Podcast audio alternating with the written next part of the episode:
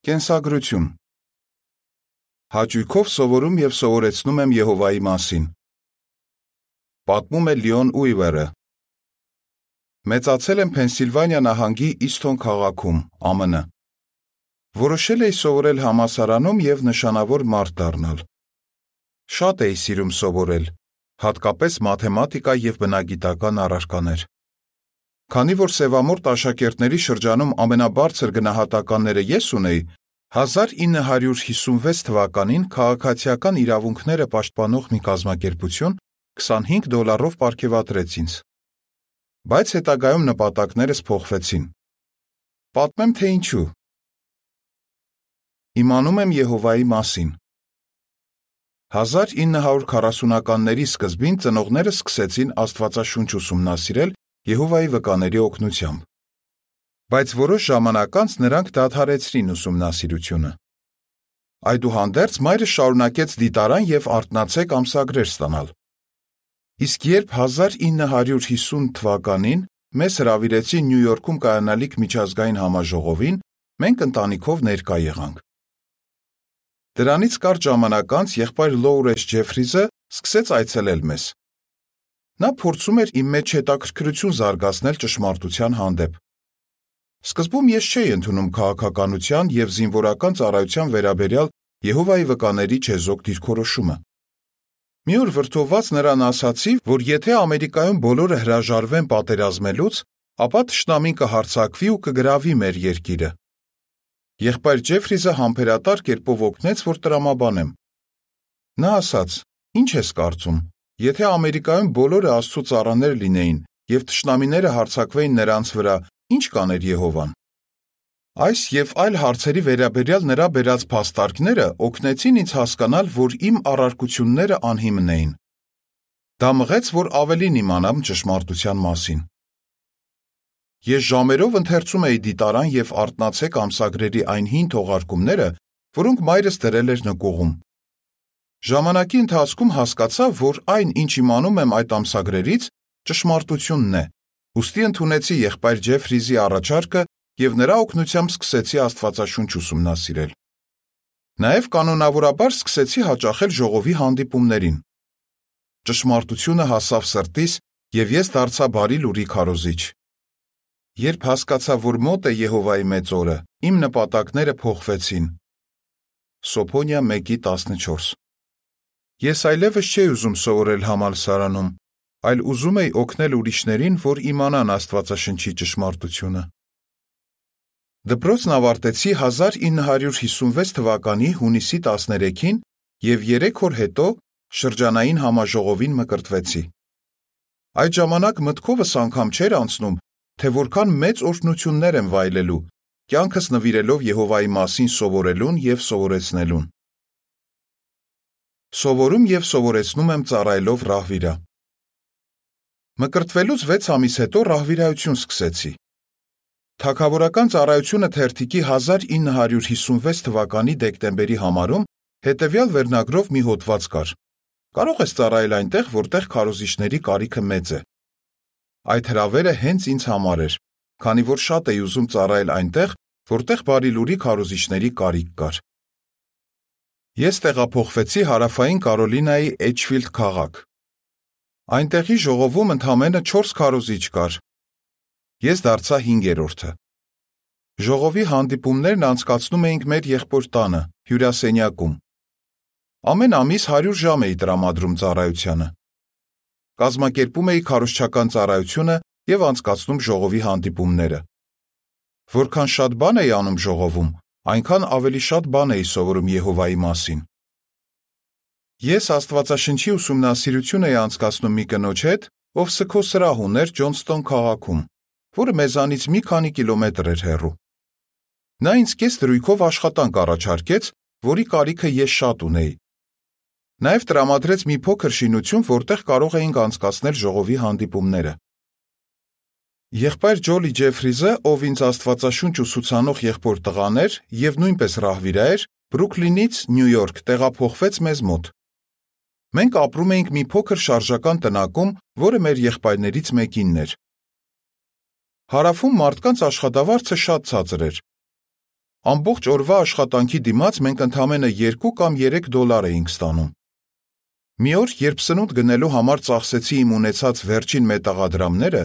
խանութի մոտ մի մարդ մոտեցավ ու հարցրեց. «Աշխատանք կուզես»։ Ժամում 1 դոլար կվճարեմ։ Նա ինձ 3 օրվա գործ տվեց։ Ես պետք է մի շին հրապարակ մաքրեի։ Ինձ համար ակնհայտ էր, որ Եհովան ուզում էր մնամ Էջֆիլդում։ Թեև ես շատ քիչ գումար ունեի, սակայն կարողացա մասնակցել 1958 թվականի միջազգային համաժողովին, որն անցկացվեց Նյու Յորք քաղաքում։ Համաժողովի երկրորդ օրը շրջադարձային եղավ իմ կյանքում։ Ես հանդիպեցի Ռուբի Օդլինգտոնին, ով ռահվիրա էր ծառայում Թենեսի նահանգի Գալատին քաղաքում։ Երկուսիս էլ հետաքրքրում էր միսիոներական ծառայությունը։ Միասին ներկա եղանք այն հանդիպմանը, որը նախատեսված էր գաղատում սովորել ցանկացողների համար։ Դրանից հետո սկսեցինք շփվել նամակների միջոցով։ Մի օր ինձ հրավիրեցին Գալատին, որ հանրային ելույթ ներկայացնեմ։ Առիթից օգտվելով Ռուբիին ամուսնության առաջարկ արեցի։ Այնուհետև տեղափոխվեցի այդ ժողով եւ 1959 թվականին մենք ամուսնացանք։ Սովորում եւ սովորեցնում եմ ժողովում։ 23 տարեկանում նշանակվեցի ժողովի ծառայող, այժմ երեսների խորհրդի կոորդինատոր։ Մեր շրջանային վերակացուն Չարլզ Թոմսոնն էր, ով շրջանային ծառայության նշանակվելուց հետո առաջինը մեր ժողով էր այցելել։ Թեև նա շատ փորձառու եղբայր էր, բայց ինձ հարցրեց, թե իմ կարծիքով ինչի կարիք ունեն եղբայրներն ու քույրերը, եւ թե մյուս շրջանային վերակացուները ինչպես են հոգ տարել նրանց մասին։ Չարլզից սովորեցի, որ նախքան որևէ հարցի հետ կապված որոշում կայացնելը, լավ կլինի հարցեր տալ եւ տեղեկանալ բոլոր փաստերին։ 1964 թվականի մայիսին հրավիրվեցի մասնակցելու թակավորական ծառայության դպրոցին, որն անցկացվելու էր South Lansing-ում, Նյու Յորք, եւ տևելու էր 1 ամիս։ Դասավանդող եղբայրները իմ մեջ ավելին իմանալու եւ հոգեորապես հասունանալու մեծ ցանկություն արտնացրին։ Սովորում եւ սովորեցնում եմ ծառայելով շրջանային եւ մարզային վերակացու։ 1965 թվականի հունվարին ինձ ու Ռուբին հրավիրեցին կատարելու շրջանային ծառայություն։ Մեր շրջանը շատ մեծ տարածք էր ընդգրկում։ Այն ձգվում էր Նոքսվիլից, Թենեսի, մինչև Ռիչմոնդ, Վիրջինիա եւ ներառում էր Հյուսիսային Կարոլինայի, Քենտուկիի եւ Արևմտյան Վիրջինիայի ժողովները։ Մենք ծառայում էինք միայն սևամորտների ժողովներում, քանի որ այդ ժամանակ Միացյալ Նահանգների հարավում օրենքն արգելում էր սևամորտներին եւ սպիտակամորտներին միասին հանդիպումներ անցկացնել։ Եղբայրներն ու քույրերը նյութական քիչ բաներ ունեին, եւ մենք սովորեցինք մեր ունեցածը կիսել կարիքի մեջ եղող այդ հավատակիցների հետ։ Երկար տարիների մի շրջանային վերակացու ինձ հետևյալ կարևոր խորհուրդը տվեց. հավատակիցներիդ համար եղբայր եղիր, քեզ շեֆի պես մի պահիր։ Նրանց կկարողանաս օգնել միայն այն դեպքում, եթե նրանք զգան, որ դու իրենց եղբայրն ես։ Մի անգամ, երբ մի փոքրիկ ժողովում այցելության էինք, Ռուբին Աստվածաշնչի ուսումնասիրություն սկսեց մի կնոջ հետ, ով 1 տարեկան աղջիկ ուներ։ Քանի որ այդ ժողովում ոչ ոքի հարմար չէր անցկасնել այդ ուսումնասիրությունը, Ռուբին այն շարունակեց նամակագրությամբ։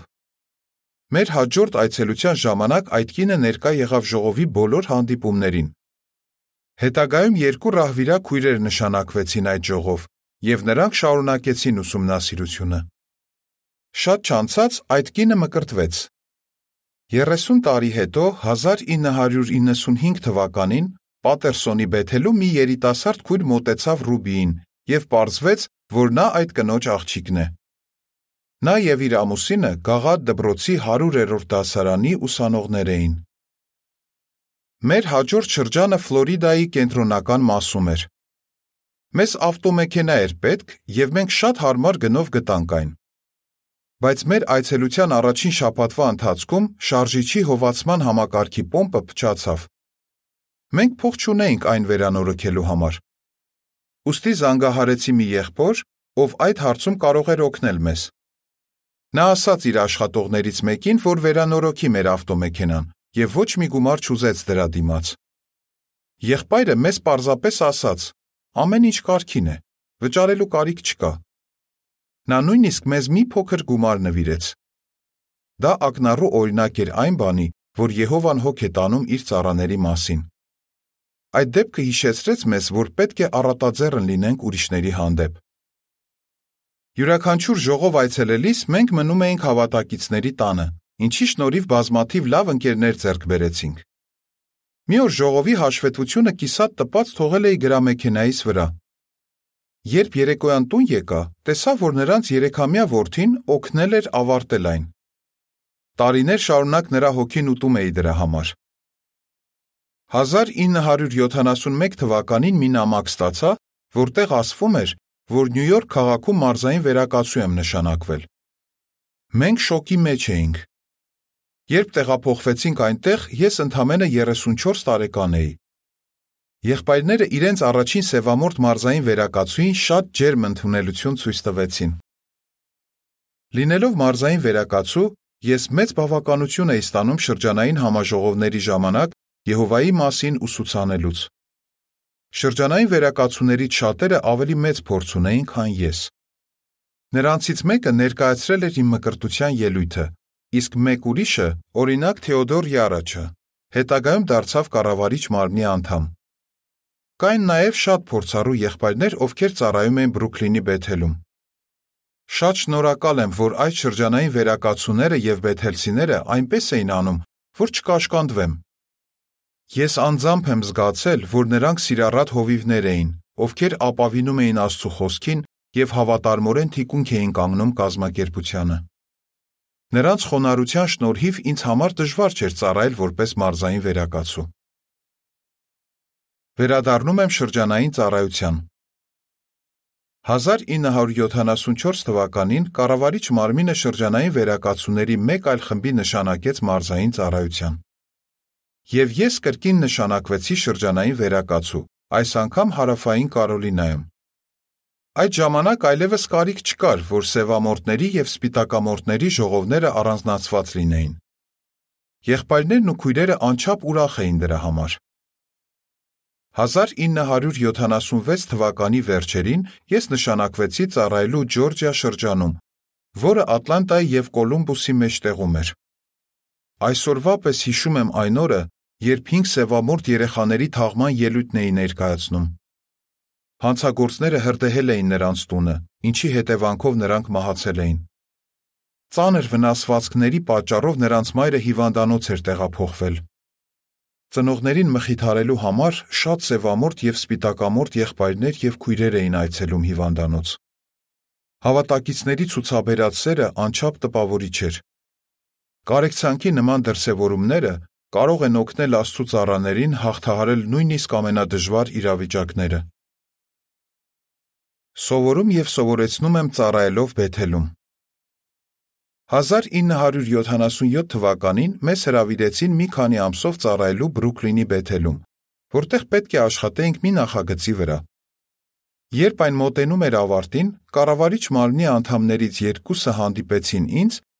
եւ հարցրին, թե արդյոք ես ու Ռուբին կցանկանանք դառնալ Բեթելի ընտանիքի մշտական անդամ։ Մենք համաձայնվեցինք։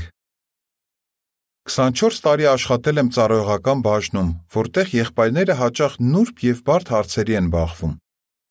Տարիներ շարունակ կառավարիչ մարմինը սուրբգրային սկզբունքների ներդաշնակ առաջնորդություն է տվել, ինչը հիմք է հանդիսանում նման հարցերին պատասխանելու համար,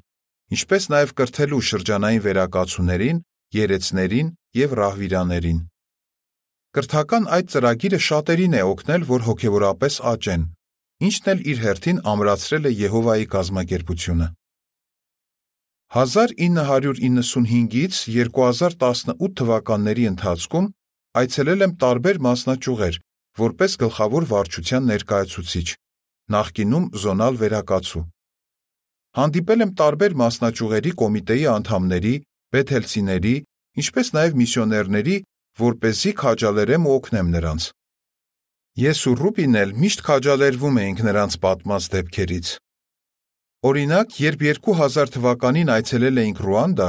շատ էինք տպավորվել, լսելով, թե 1994 թվականին տեղի ունեցած ցեղասպանության ժամանակ ինչերի միջով էին անցել մեր հավատակիցներն ու Բեթելի ընտանիքը։ շատերը կորցրել էին իրենց հարազատներին։ Բայց չնայած դժվարություններին, այդ հավատակիցները չէին կորցրել իրենց հույսը, հավատը եւ ուրախությունը։ Այժմ մենք 80-ն անց ենք։ Վերջին 20 տարիներին ծառայում եմ Միացյալ Նահանգների մասնաճյուղի կոմիտեում։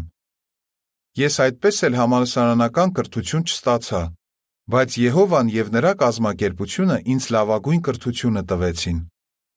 Դրա շնորհիվ ես կարողանում եմ ուսուցանել մարդկանց աստվածաշնչյան ճշմարտությունները, որոնք կարող են հարատև օրհնություններ բերել նրանց։ Տեսել եմ, թե ինչպես է Աստվածաշունչն օգնել մարդկանց, որ բարելավեն իրենց կյանքը եւ մտերմանան իրենց արարչի հետ։ Ես ու Ռուբին ամեն առիթ օգտագործում ենք, որ օգնենք ուրիշներին թանկ համարել Եհովայի մասին սովորելու եւ ճշմարտությունը ուրիշներին սովորեցնելու պատիվը։ Դա մեծագույն առանձնաշնորհումն է, որ Եհովայի ծառան երբևէ կարող է ունենալ։ Հոդվացի ավարտ